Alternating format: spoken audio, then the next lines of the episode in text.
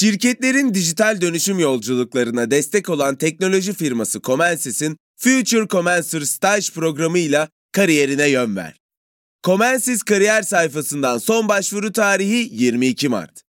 Açıklamalardaki linkten hemen başvur, tutkunu uzmanlığa dönüştür.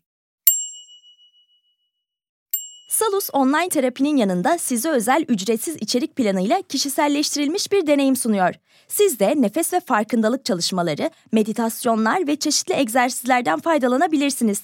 Değişim ve gelişim sürecinde hem fiziksel hem de mental sağlığınızı destekleyebilirsiniz. Kendi en iyinizi yaratmak için Salus uygulamasını indirin. Başlangıç 10 koduyla %10 indirimli kullanın. Transpor'dan herkese merhabalar. Gündemimiz oldukça yoğun. Süper Lig'de hafta arası mesaisi oynandı ve tansiyon yükseldi. Her zaman olduğu gibi Süper Lig'i konuşacağız ve onun dışında 3 tane konuğum olacak bu hafta. Bedran Kanşiyar ile Serie A'yı, Napoli'nin şampiyonluk yürüyüşünü ve Juventus'un aldığı cezayı konuşacağız. Ömer Şentürk ile tenisi, Avustralya açığı konuşacağız ve son olarak da bu programın editörlüğünü de yapan Ant'la Amerikan futbolunu ve 13 Şubat'ta başlayacak olan Super Bowl'u konuşacağız. Vakit kaybetmeden başlayalım.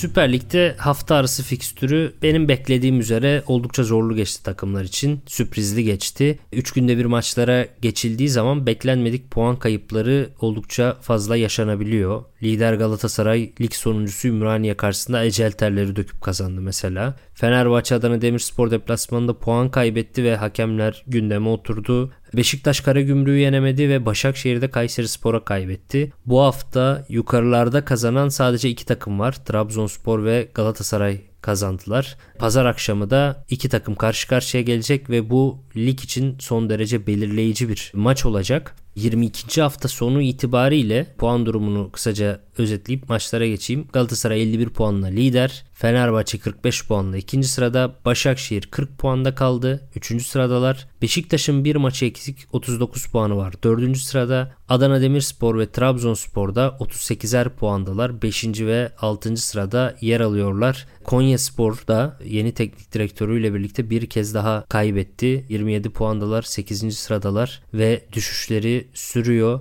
Orada garip şeyler oluyor. Ona da kısaca bir değinmek istiyorum. Bütücü gibi çok etkili bir sol kenar oyuncuları vardı ve onu 800 bin euro gibi uygun bir bedelle Olympiakos'a sattılar. Amir Adziamatovic'i de apar topar gönderdiler. Bunları hemen İlan Palut'u gönderdikten sonra çok kısa bir süre içerisinde gerçekleştiler bu hamleleri ve İlhan Palut'u gönderirken hocayı genç oyuncu oynatmadığı için eleştirerek gönderdiler. Gönderme sebebi olarak genç oyuncuyu oynatmamayı söylediler ve bugün okudum ki Konyaspor Başkanı Isco'nun peşinde olduğunu söylüyor.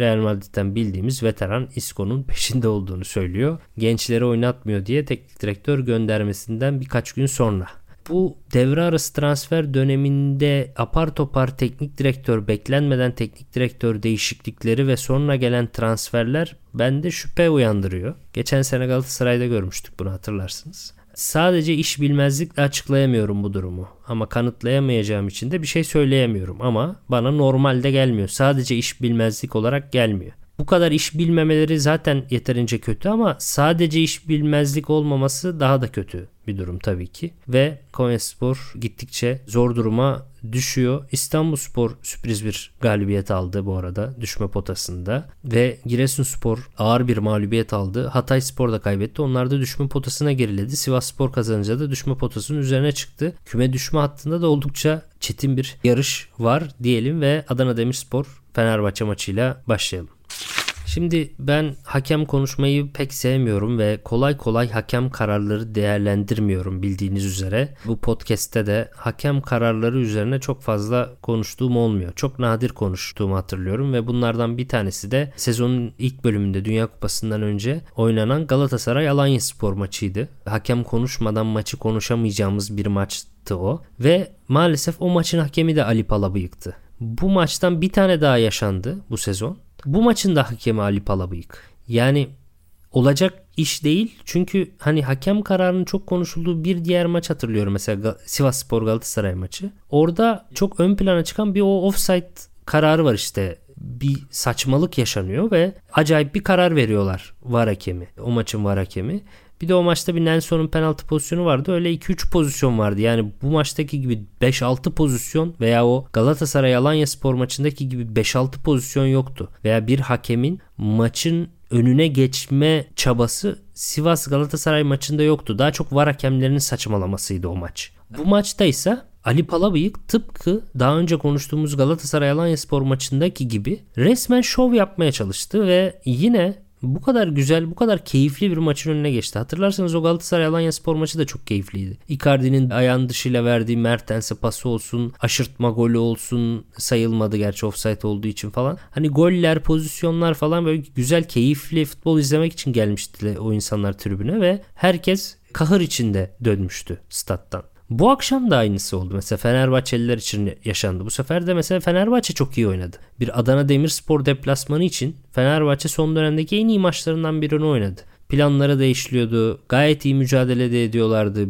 Birçok pozisyonda bulmuşlardı. Fakat yine hakem maçın önüne geçmeyi başardı. Tıpkı Galatasaray Alanya Spor gibi. Ve bu iki rakip yani Galatasaray ve Fenerbahçe Ezeli rakipler ve liderlik en üst sıradaki iki takım. En büyük hakem hatasının yapıldığı iki maç aynı hakem aynı iki takıma yapıyor.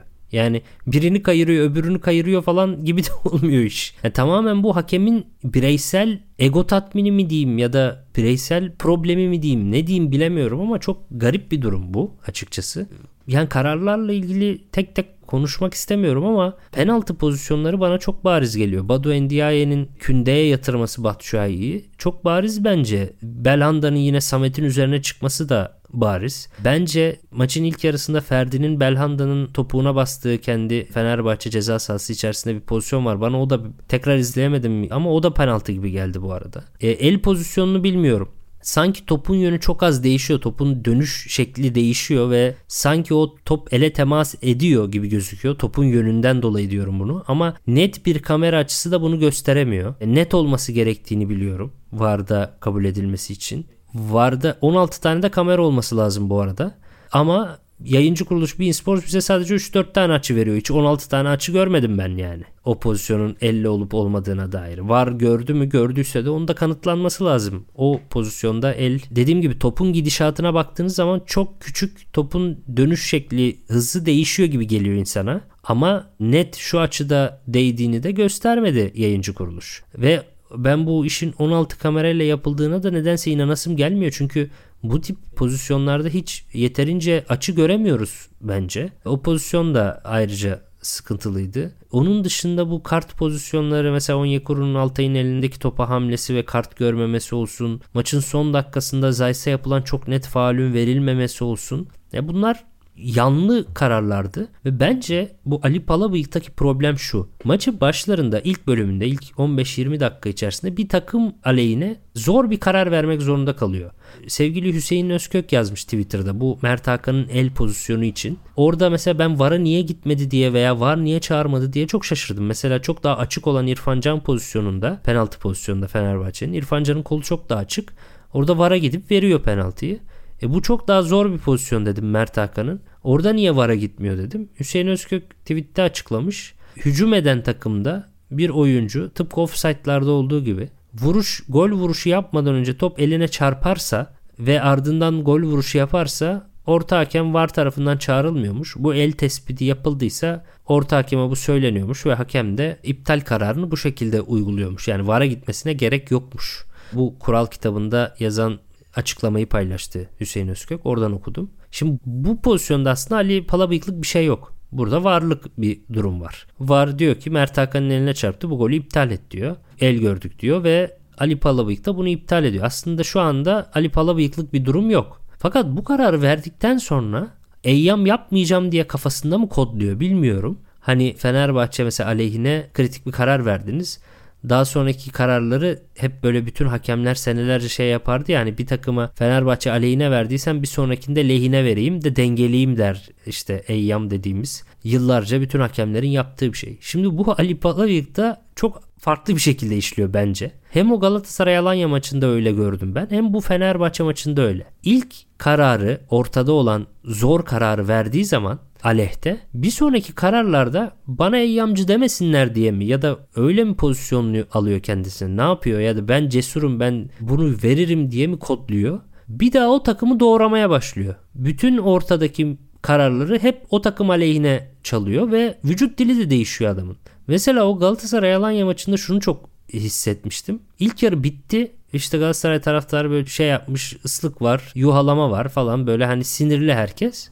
Ama böyle bir yabancı madde atma veya sahaya girme gibi bir şey yok. Herkes sinirli ve yuhalama var sadece. Ali Palabıyık ilk yarı bittikten sonra tribünün önünde durdu böyle bir 15-20 metre önde durdu. Yani içeriye girmedi o soyunma şeylerine ve polis çağırdı. Polis ekibi toplandı. Hani bana zarar vermesinler diye polis kalkan oluyor ya. Onu bekledi, onu istedi ve böyle taraftar iyice delirdi. İyice kışkırtılmış oldu. Hani hiç normal değildi. Ben Ali Palabıyık'ın normal bir psikolojide yönettiğini düşünmüyorum bunu. Ve dediğim gibi hem Belhanda'nın Samet'in üstüne çıktığı pozisyonda hem de Batshuayi'nin Ndiaye'yi indirdiği pozisyonda bence penaltı vardı ve Mert Hakan'ın el pozisyonu dediğim gibi eğer eline bir temas varsa ben topun gidişatından varmış gibi görüyorum ama bunun net olması gerektiği söyleniyor. Kesin olması gerektiği söyleniyor. Hatırlarsanız Konya Spor Trabzonspor maçında çok benzeri olmuştu. Mamed Yuf'un eline top çarpar gibiydi ama kesin şu görüntüde çarpıyor da diyemiyordunuz ve orada Konya'nın golü geçerli sayılmıştı.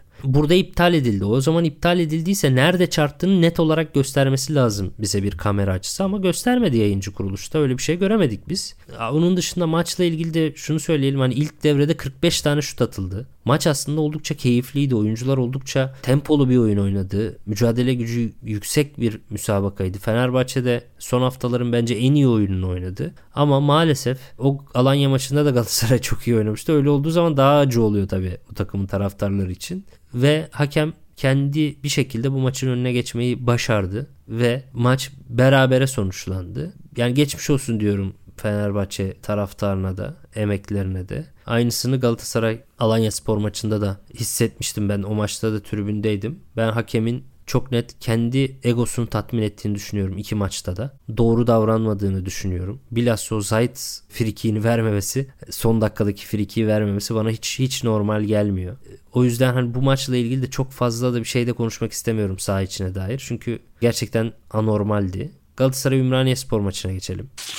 Galatasaray yorgundu ve aslında Giresunspor maçında 4-0 kazanılan Giresunspor maçında bu maçın geleceği böyle bir şey yaşanabileceğini sinyallerini vermişti Galatasaray. O maçta da 1-0'dıken birçok Giresunspor hücumu yemişti, baskı yemişti Galatasaray ve o maçta da Sergio Oliveira kötü gözükmüştü. Bu maçta da çok kötü gözüktü. Orta sahada bilhassa kaymalarda çok eksik kaldı Galatasaray. Torreira bir açıyı kapatmaya gittiği zaman onun boşalttığı merkez pozisyonu hiç doldurulamadı. Oliveira oralara hiç gelemedi ve bence Torreira'nın yanında bir Berkan Kutlu gibi bir defansif orta sahada birçok şeyi dengelerdi. Hem o sol kanatta Kerem Aktürkoğlu'nun arkasını toplama konusunu dengelerdi hem de çok daha dinamik bir oyuncuya ihtiyacı vardı Galatasaray'ın. Çünkü hem Mertens yorgun gözüküyor hem Icardi benzer bir şekilde hem Sergio Oliveira ve Ümraniye Spor'un çok daha fazla istediğini, çok daha hırslı olduğunu gördük. Recep Uçar görevine çok iyi çalışmış. Bu maça çok iyi çalışmış ve Galatasaray'ın beklerinin arkasını çok iyi değerlendirdi. İki kanadı ile birlikte iki kanadı birden çizgiye bastı ve 8 numaraları da ceza yayına sürekli koşu attılar. Avonu'nun ceza yayına gelip iki tane şutunu Muslera çıkardı. Oğuz yine diğer sağ iç oyuncusu sağ iç 8 numarası aynı şekilde golünü attı. İlk yarında ikinci golü o şekilde attı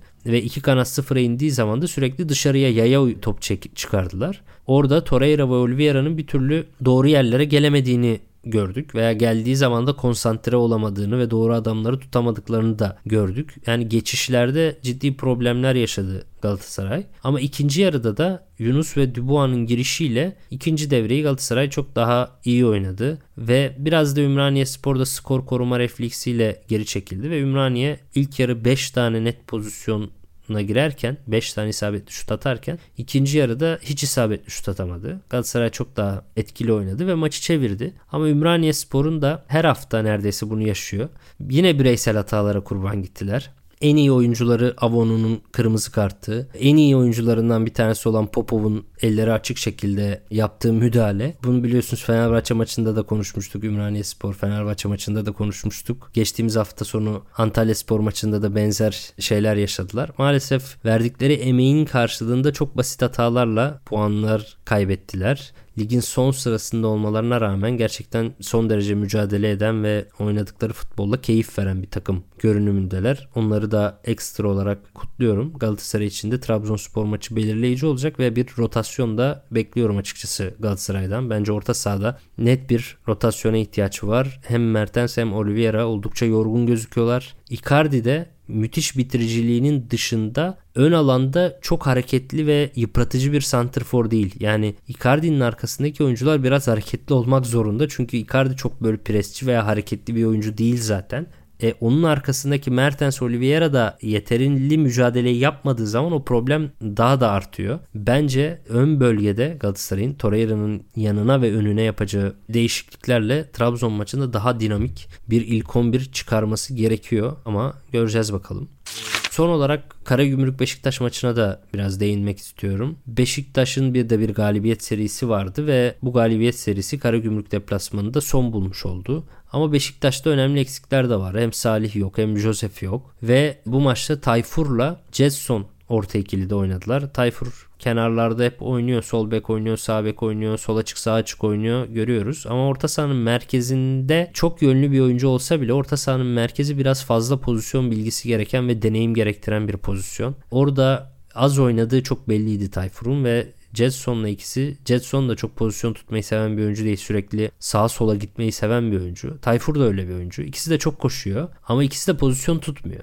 Ve önlerinde de Delali zaten hani biraz veteran modda takılıyor. Öyle olunca Beşiktaş'ın orta saha merkezinde geniş boşluklar gördük. Net bir pozisyon tutucu olmaması, net bir merkez tutucu olmaması Beşiktaş'ın çok kolay 2-3 pasla ataklar yemesini ve tehlikeli ataklar yemesini sağladı. Karagümrük çok kolay hücumlar edebildi. İlk yarıda 3 tane net fırsat kaçırdılar zaten. Sadece iki tane Colin Kazım'ın kendini dengeleyemediği ve o yüzden ıskaladığı top var. Bir tanesi kafayla bir tanesi ayakla. Hani Kazım'ı zaten gören o kilosunu ve ne kadar kalınlaştığını gören o pozisyonları neden gole çeviremediğini anlayabilir. Orada koordinasyonu ayarlayamadı açıkçası. Bence maçın hakkı en azından beraberlikti ve öyle de oldu. Berabere bitti. Yani Beşiktaş biraz çekirge gibi oldu. Yani sıçradı sıçradı ama sonunda üçüncüde sıçrayamadı gibi oldu. Aslında 3 değil 6. Hani iyi bir seriydi Beşiktaş için ama bu seri gelirken iyi oynamadan kazanmak çok iyi ama o kazanma serilerinin ardından oyun da gelişmeli.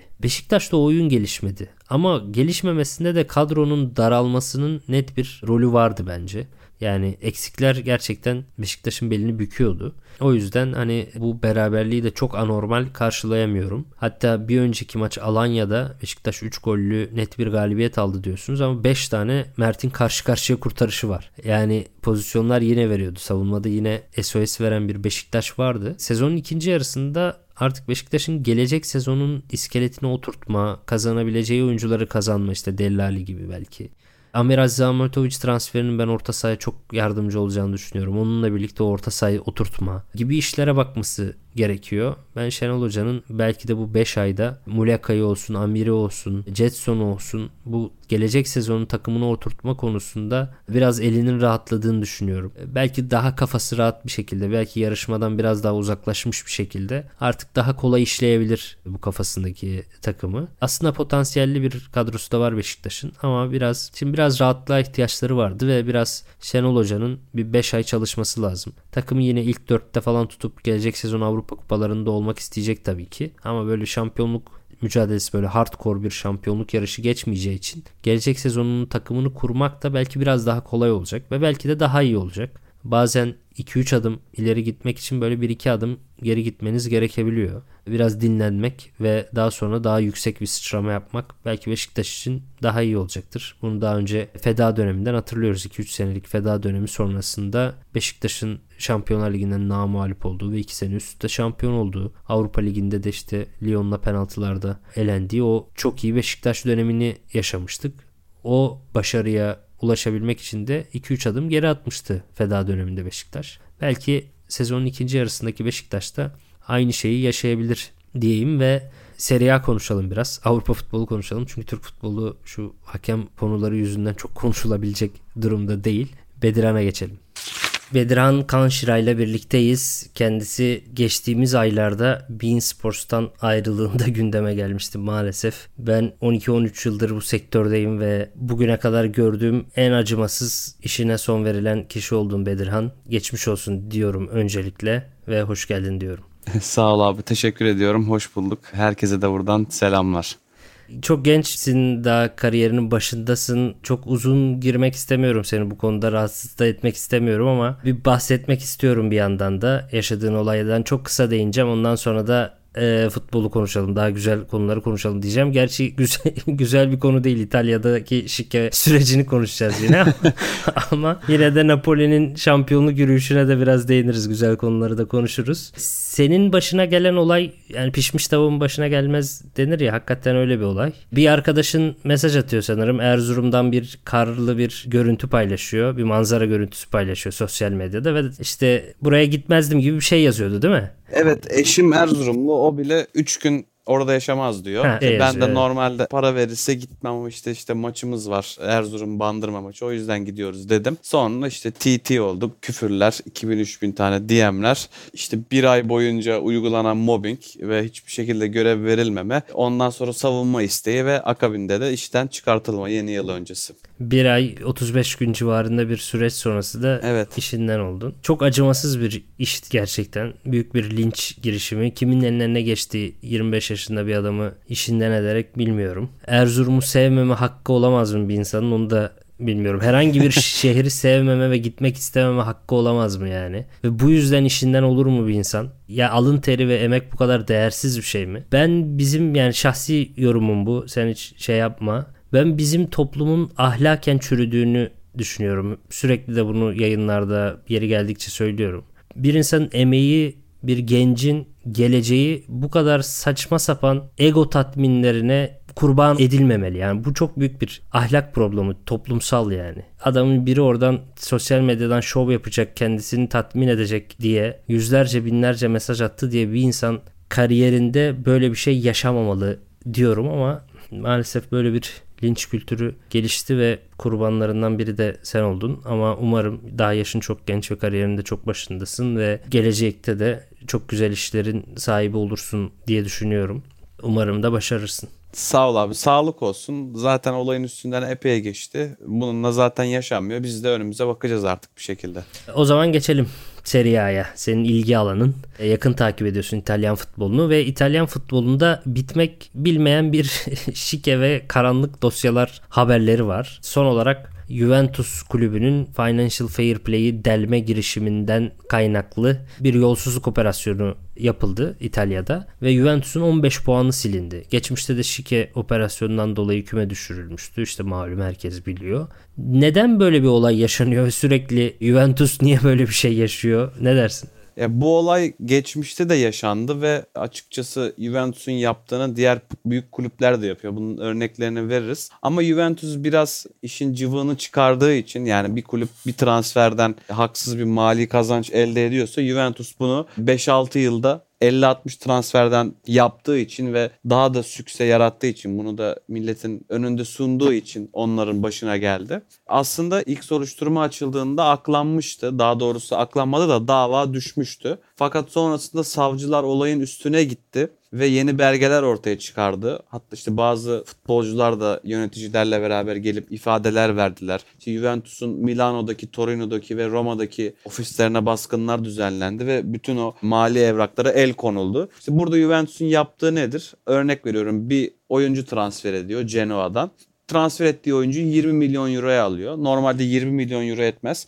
Gerçi bir oyuncunun ne kadar para edeceğine de nasıl ölçeceğiz, nasıl saptayacağız bilmiyorum. Oyuncuyu gidip de ekspertize sokacak halimiz yok sonuçta. Herkese göre değişir oyuncunun fiyat etiketi. Oyuncuyu alıyor, sonrasında hiçbir şekilde kullanmıyor ve aynı paraya başka bir kulübe satabiliyor. Bu esnada mesela bu oyuncuyu alırken aynı zamanda 4 tane de oyuncu gönderiyor Genoa'ya ve bu oyuncuları da mesela 5'er 6'şar milyon eurodan gönderiyor. Hiç Genoa Roma'nın hayatında veremeyeceği bir bonservis. Bir transfer döneminde 4 4'er 5'er tane oyuncuya. İşte bunlardan 40 tane 50 tane olunca da artık bir şekilde batmaya başlıyor. yargının gözünde. Ve İtalya futbolunda da böyle sürekli 15-20 senede bir işte bundan 15 sene önce Calciopoli olmuştu bir savcı çıkıyor. Bir tane yürekli bir savcı. Ben bir şeyleri değiştireceğim, temizleyeceğim diye bir operasyon başlatıyor. Sonra biri güme gidiyor. Burada da Juventus güme gitti. İşte haksız sermaye kazancından 15 puanı silindi mahkeme kararınca. Halbuki savcı 9 puan istemişti. 15 oldu. Tabii bu daha fazla da büyüyebilir. E, burada finansal fair play'i deldikleri için transferdeki usulsüzlükler gerekçesiyle UEFA'dan ya da FIFA'dan da bir men ya da transfer yasağına da çarptırılabilirler. Dediğim gibi başka kulüpler de bunu yapıyor. Sadece İtalya'da değil Avrupa'da birçok yerde yapılan vardır. Türkiye'de bile yapılıyor ara sıra. Evet, maalesef Ama kabak yapılıyor. Juventus'un başına patladı. Onlar da biz bu şikeyi bir tek kendi başımıza mı yaptık diyorlar. Ya gerçekten öyle ya da gerçekten birileri Juventus'a operasyon yapıyor. Burada bölüme bir ara verelim. Sonra kaldığımız yerden devam edeceğiz.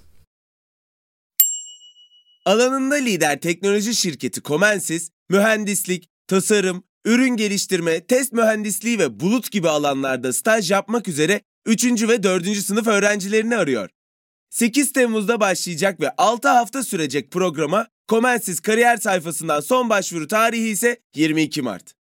Future Commencer ile akademik bilgilerini uygulamalı deneyimlerle pekiştir, tutkunu uzmanlığa dönüştür. Salus uygulamasında klinik psikologların yanında online görüşme yapabileceğiniz farklı uzmanlar da var. Çocuk gelişim uzmanı, diyetisyen veya fizyoterapist. Bu sayede değişen ihtiyaçlarınıza uygun beslenme, egzersiz ve sağlıklı yaşam rutinleri oluşturabilirsiniz.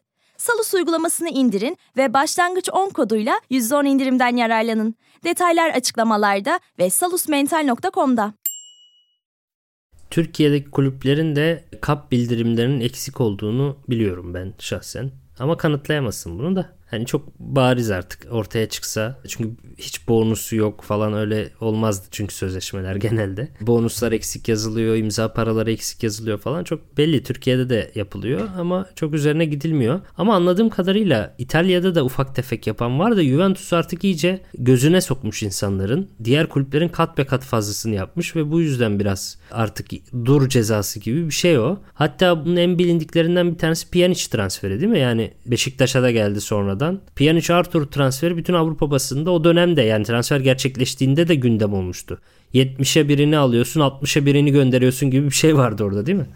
Evet Pjanic'i 70 küsüre gönderiyor. Arthur'u 60 küsüre alıyor. Pjanic zaten en iyi dönemini geride bırakmış ki o zaman da Barcelona'da hala finansal sıkıntı var. Yıllardır devam eden. E Arthur desen zaten antrenmana bile zor çıkabilen bir adam sakatlıklardan ötürü. Ama dediğin gibi bunları çok fazla şişirdiği için ve bunun örnekleri de epey bir çoğaldığı için hem kulüp ceza aldı hem de bu süreçte dahil olan işte eski başkan ve eski yönetim kurulu üyeleri, sportif direktör dahil işte futboldan men ve işte hak mahrumiyeti tarzında cezalar aldılar. Yani bir İtalyan futbol izleyicisi olarak bunun büyümemesini umuyorum. Çünkü hem diğer kulüpler de sıçrayabilir hem de zaten genel olarak Avrupa'nın diğer dört büyük ligiyle kıyasladığımızda her sene İtalyan devleri daha başarısız olma yolunda ilerliyor Avrupa'da. Bir de kendi yerel liginin içinde de bu tarz operasyonlar yapıldığında daha da güçsüz duruma düşecekler. Umarım daha fazla büyümez bu olay Juventus için. Umarım bu tip olaylara yeltenmez de aynı zamanda İtalyan kulüpleri sen Napoli taraftarısın ve İtalya futbolunda da bu sezon en dikkat çeken, en göze hoş gelen futbolda Napoli oynuyor. Haklı bir şekilde bileğinin hakkıyla diyelim puan farkıyla lider ve çok uzun yıllardır beklenen şampiyonluğu da alacak gibi gözüküyorlar. Ben Luciano Spalletti'yi çok severim teknik direktörleri. Bence Rusya'ya gereksiz bir şekilde gitti ve Rusya'da çok zaman kaybetti. Bugün ulaştığı saygınlık seviyesine çoktan bence ulaşmalıydı onun müthiş bir takım yarattığını görüyoruz. Tanıdığımız isimler de var. Kim min gibi, Elif Elmas gibi Fenerbahçe'den giden. Biraz Napoli yorumu alalım senden. Ne yaptılar bu senede bu kadar iyi gidiyorlar?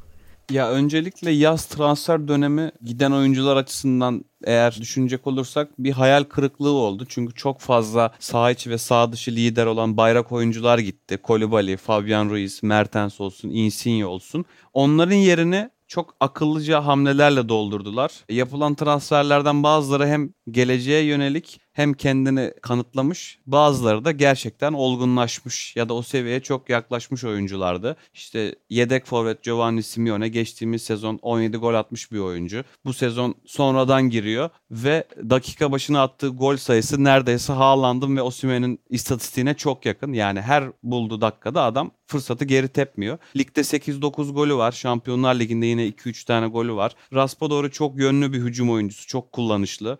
Ee, bir teknik direktörün elini çok güçlendirebilecek bir tarzda forvet ya da hücum oyuncusu diyelim. Kim Min-jae'yi, Elif'i zaten buradaki Fenerbahçe yatırımlarını zaten biliyorduk Napoli'nin.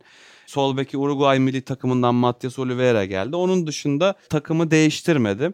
Orta sahada bir Stanislav Lobotka etkisi görüldü. Zaten daha öncesinde Brozovic'e çok güzel bir dokunuş yapmıştı hoca. 8-10 tarzında bir oyuncuyken ondan bir regista çıkarmıştı. Lobotka da aslında direkt bu tarz bir oyuncuydu da patlamasına ya da hak ettiği değeri Spalletti ile yukarı çıkardı tam anlamıyla. Biraz geç de olsa ve ligde diğer takımların da biraz da kötü gitmesiyle Napoli'de rüzgarı arkasına aldı. Baktığında Şampiyonlar Ligi'ne de damga vuruyor. Bence orada da çeyrek final, yarı final için ciddi bir aday. Ben Frankfurt'u geçebileceğini düşünüyorum. Ligde de büyük maçlarda da artık eskisi gibi kırılma maçlarında kazanmayı biliyor. Daha doğrusu yenilmemeyi biliyor ve bu şekilde devam ediyor. Buradan da ben dönmez diyorum. Yıllar boyunca döndü ama bu sefer sanki dönmeyecek gibi. Ben en çok santrfor hattını beğeniyorum. Yani hem Osimen müthiş süratli boyu da var. Burak Yılmaz modeli bizdeki.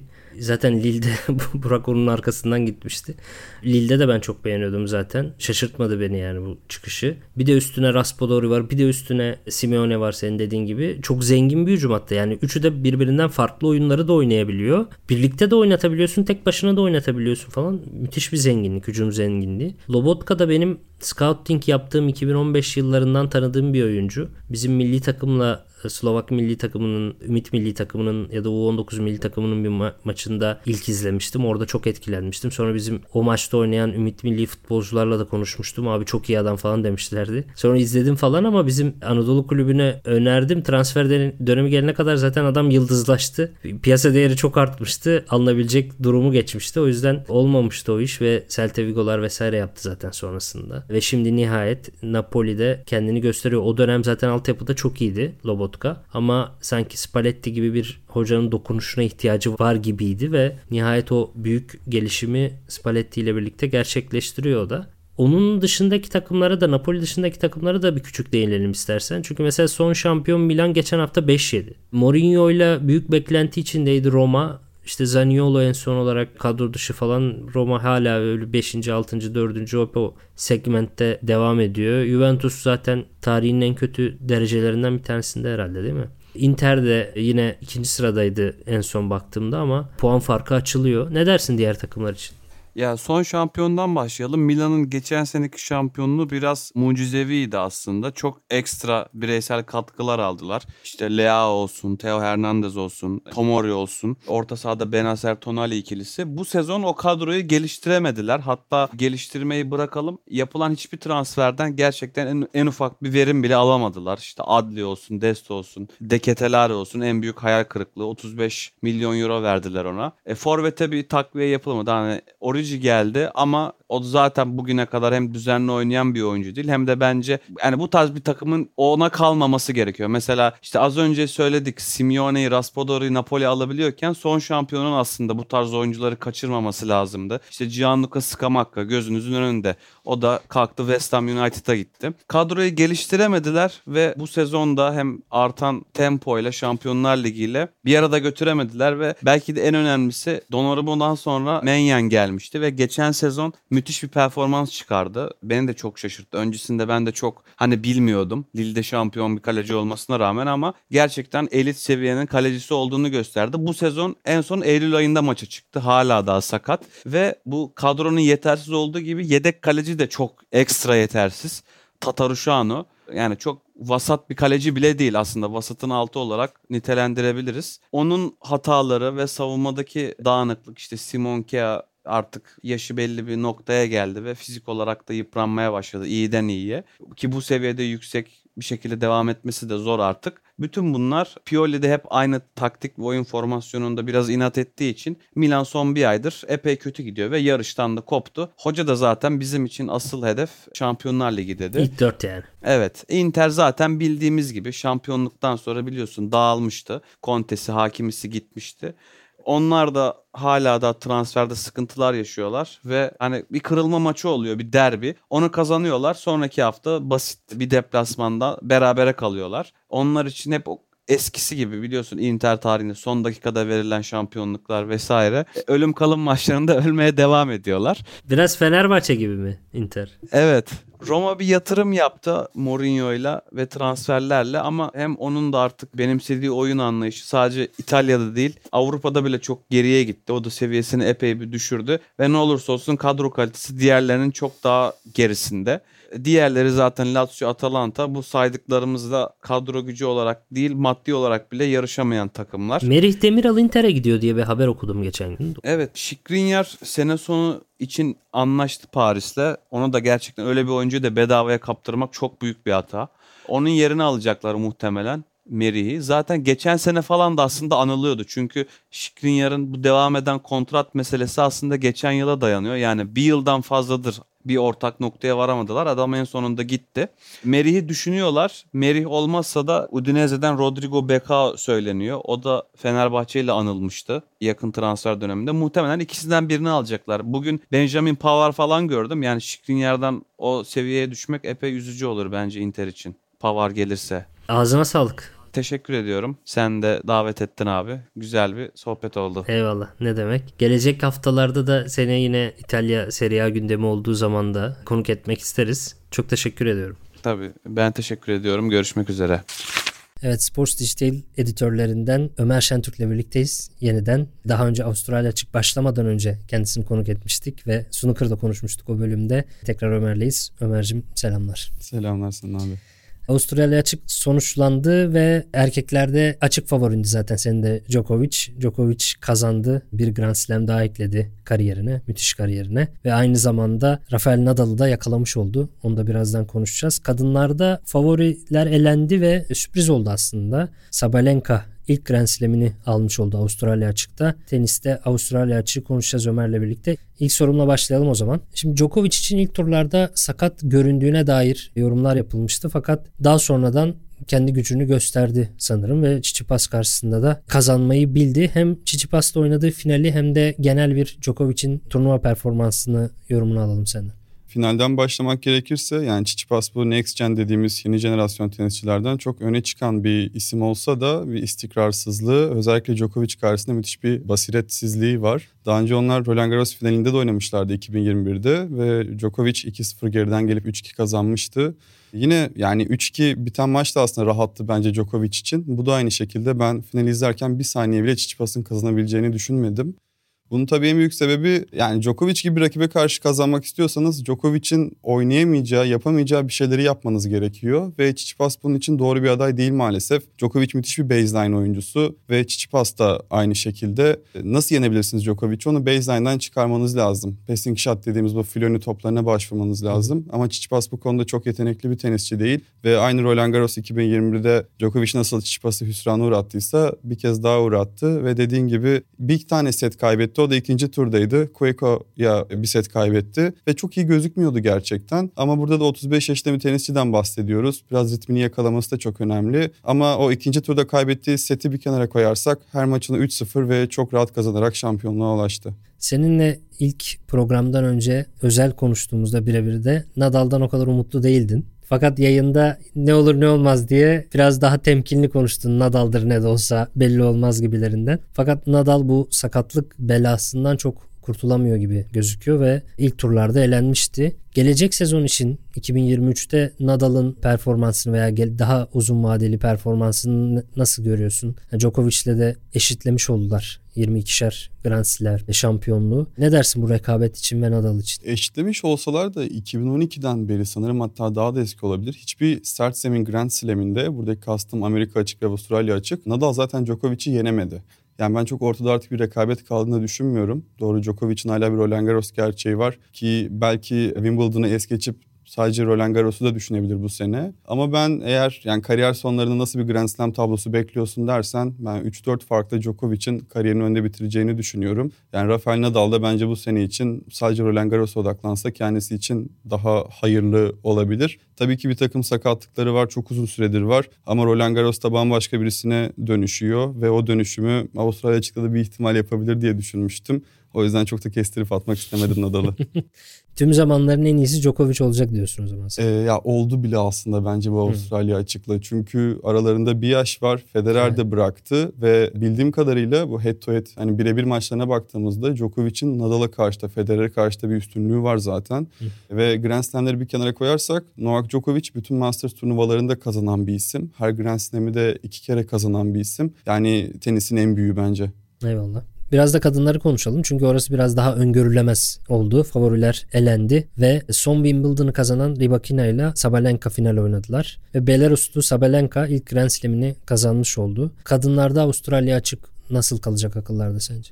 Kesinlikle erkeklerden daha keyifli kalacak kesin çünkü çok daha iyi maçlar vardı. Yani tabii bence sürprizlerin yeniliyor olması da kadınlar turunu çok daha eğlenceli ve izlenebilir kılıyor bu ara. Tabii favorilerin elenmesinin en büyük sebebi de Rybakina aslında. Ben buradaki ilk yayında da Rybakina'dan bahsetmemiştim. Çünkü doğru bir Wimbledon galibiyeti var ve büyük bir potansiyel. Ama Wimbledon'da da şöyle bir sorun vardı. O Wimbledon Rusya'nın Ukrayna'ya açtığı savaş sebebiyle pek çok sporcudan mahrum bir turnuvaydı. Ve aynı şekilde o sporculara sıralamada bir puan da verilmedi. Yani Rybakina'nınki biraz böyle sebeplerle gölgede kalan bir galibiyet oldu ki ondan sonra Amerika açıkta da çok erken turda sıralamanın alt sıralarındaki bir tenisçiye elenmişti. E, Sabalenka kısmı çok daha ilginç tabii. Yani çok büyük potansiyel olan bir isim. 2021'de ve 2022'de toplamda 3 tane final oynadı Grand Slam'lerde kariyerine başladığında şu an 1998'de olması lazım. 2018'den beri büyük bir potansiyel olan bir isimdi. Ben de 2019'dan 2020'den beri çok keyifle takip ediyordum kendisini. Ama dum diyorum çünkü bir süre sonra hani olmayacak sinyalleri veriyordu. Ama finalden sonra ben de bir 2-3 damla gözyaşı akıttım yani.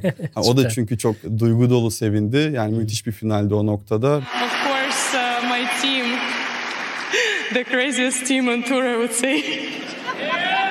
We've been through a lot of, I would say, downs last year. We worked so hard, and you guys deserve this trophy. It's, it's more about you than about me. Thank you so much for everything you're doing for me. I love you guys. Thank you.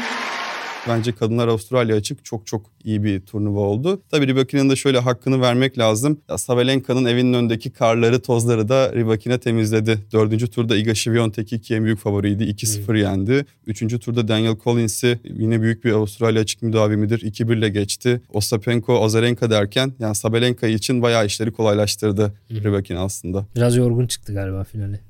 Doğru ama zaten Sabalenka her halükarda favoriydi. Ama kesinlikle kortta çok daha fazla vakit geçirdi Sabalenka'ya göre. Sabalenka'nın kariyerinde muhteşem bir geri dönüş o zaman. Umarım yani tabii kadınlar tenisinde şöyle bir sorun var. Büyük bir istikrar sorunu var kadınlar tenisinde. Çok farklı isimler Grand Slam kazanabiliyorlar, galibiyeti alabiliyorlar. Tabii Sabalenka için aslında asıl mesele bence şimdi başlıyor. Ki bu finalde de basireti bağlandı. Maç puanı kullanırken çift hata yaptı ve hani puan falan da kaybetti. Kaybetmesi bile muhtemeldi. Ben de bir korktum yine mi bu karabasını yaşayacak diye.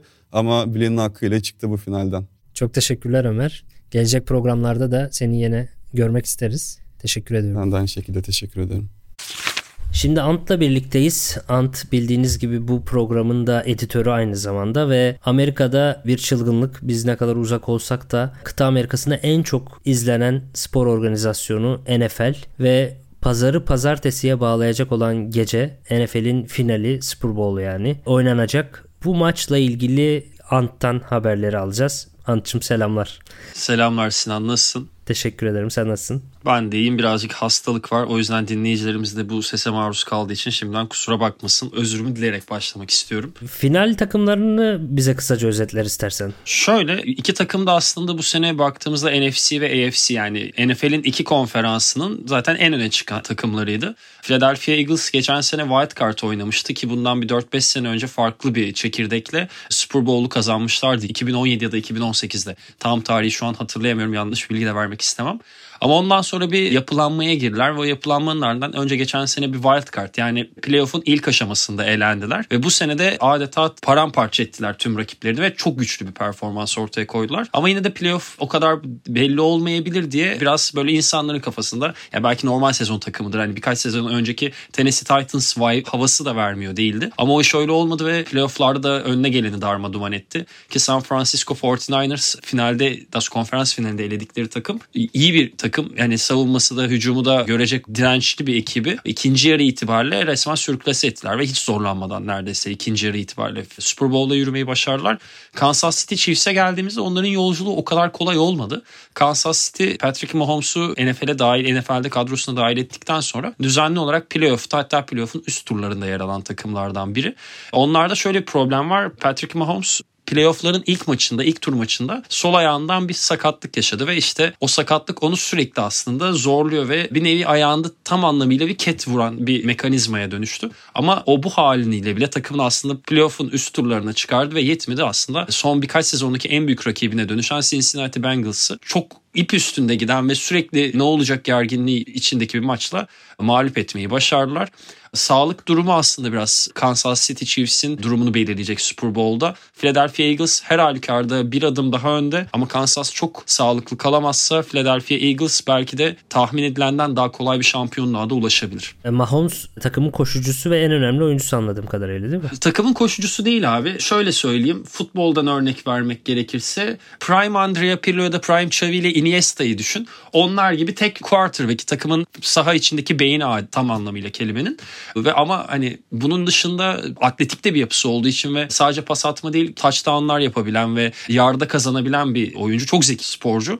E bunlar da birleştiğinde ve yani şu an NFL'de belki de birkaç oyuncudan biri saha görüşünde rakipsizlikte. Belki de bir numarası. Benim çok hayran olduğum isimlerden biri. Hatta NFL'i izlemeyi başlamamı sağlayan birkaç isimden de biriydi kendisi.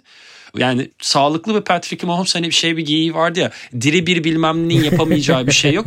Diri bir Patrick Mahomes'un önünde durabilecek çok takım yok ama işte ne kadar diri biraz aşil topu olabilir Kansas'ın bu sorun. Güzelmiş. Hikayeleştirmek için güzel bir final o zaman. Sakat sakat kazanırsa iyice hikayeleştirilir bu finalle ilgili ben biraz yorumlarımı yaptım. Ben biraz şunu söylemek istiyorum. Benim hoşuma giden eğlenceli bir trivia keşfettim. Aslında bunu ben keşfetmedim. Final belli olduğu gibi benim Amerikan sporlarını takip etmekte bir numaralı kaynağım olan Bleacher Report. Hani orada dikkatimi çekmişti. Philadelphia Eagles'ta oynayan Jason Kelsey ile Kansas City Chiefs'te oynayan Travis Kelsey aslında öz kardeş. Philadelphia'daki Jason Kansas'taki Travis'ten sadece 2 yaş büyük. Biri 87 diğeri 89'du. Ve bu iki kardeşin karşı karşıya geliyor olması aslında Super Bowl tarihinde bir ilk olacak. Daha önceki hiçbir Super Bowl'da iki kardeş birbirine rakip olarak oynamamıştı. Hatta geçen sene de çok tatlı bir video vardı. Belki o videodan da bir kesidin en azından ses klibini eklemeye çalışırız buraya. Yes, it's it's your mom. What's up, mom? Glad you made it. Now, yeah, I know. I actually made it at, at a disappointing Tampa game. This was an elation to see you get a touchdown in a playoff game. I mean, oh my gosh, how good did that feel? How good did that feel after all these years? Oh man, to finally throw a touchdown like I used to tell my mom when I was like five years old, I was going to eventually throw a touchdown in the National Football League. Uh, I finally got it done. It only took me nine years. That's a good question, though, mom. Yeah, that's awesome. Bu iki kardeşin annesi geçen seneki playoff'ların ilk tur maçında önce büyük oğlu Jason'ın maçı için Philadelphia'ya gidiyor. Philadelphia'da maç bittikten sonra işte evet oğlu kaybediyor, üzülüyor ama hiç moralini bozmadan Jason'ın yanından ayrılıp uçağa atlıyor ve Kansas'a geri dönüyor. Orada Travis'in galibiyetini kutluyor. İşte bir 12-13 saatlik bir süre zarfı içinde. Çok tatlı bir videoydu. Onun linkini de bırakırız aşağıya. Belki ilgisini çeken dinleyicilerimiz olursa oradan ulaşabilirler diye ben bir minik trivia vereyim. E bir de Tom Brady emekli oldu. Tom Brady'de birçok sporla ilgili şöyle bir tabir vardır yani bu sporun keçisi kim? Bu oyunun goat'u kim? Mesela şimdi futbolda Messi şampiyonluğu aldıktan sonra hani hemen hemen hem fikirlik asla olmayacak ama biraz artık sesler kesilmeye başladı bu konuda. Mesela basketbolda Michael Jordan daha farklı bir yerde. Şimdi teniste Djokovic mi, Nadal mı, Federer miydi? konusu dönüyor. Bu referansları vermemin sebebi şuydu biraz uzun tuttum hemen toparlayayım.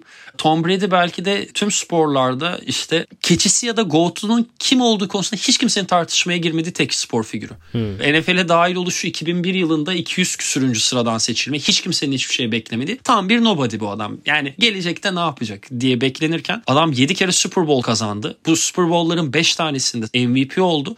Yetmedi 3 kere normal sezon MVP'li. Yani bunlar zaten tek başına kimsenin ulaşamadığı başarılar. Hani öyle bir nokta varken bireysel başarıya geldiğimizde de yani NBA'de All-Star vardır ya. NFL'in All-Star olan Pro Bowl'a da tam 15 kere seçildi. 2 ya da 3 kere tek sezonda en çok yardaya pas atan quarterback rekoru onda. Playoff tarihinde en çok yardayı bulan pası atan quarterback rekoru onda. Yani kendi oynadığı yerle ilgili ulaşılabilecek tüm rekorlara ulaştı ve başkalarının ulaşma şansının mümkün olamayacağı yerlere taşıdı.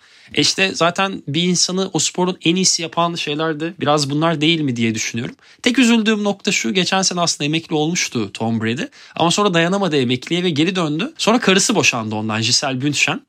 Hani hem eşinden oldu hem sporu bıraktı. Yani ne gerek vardı Tom Brady diye biraz böyle geyik bir yerden bitirmek isterim. Beni de ağırladığın için teşekkür ederim. ne demek? Bu arada Super Bowl 13 Şubat pazarı pazartesiye bağlayan gece oynanacak. Yani biz bir sonraki bölümümüzü haftaya salı yaparız. Ondan sonraki haftadaki bölümümüzde de bizim futbol camiasından işte İlker Duralı var, Cüneyt Kaşeler var. Onlar izliyor NFL'i. Onlardan bir tanesini bağlayıp onu da konuk etmek isteriz ve Super Bowl'da tekrar tren sporun içinde değerlendiririz diye düşünüyorum.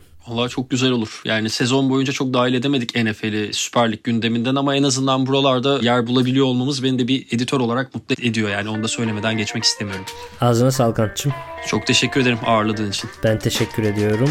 Bu haftanın da sonuna gelmiş olduk böylece. Dinlediğiniz için çok teşekkürler. Gelecek hafta tekrar birlikte olacağız. Hoşçakalın.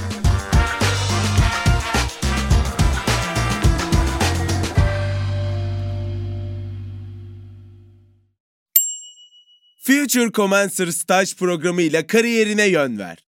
Comensis 6 haftalık staj programı için 3. ve 4. sınıf mühendislik öğrencilerini arıyor.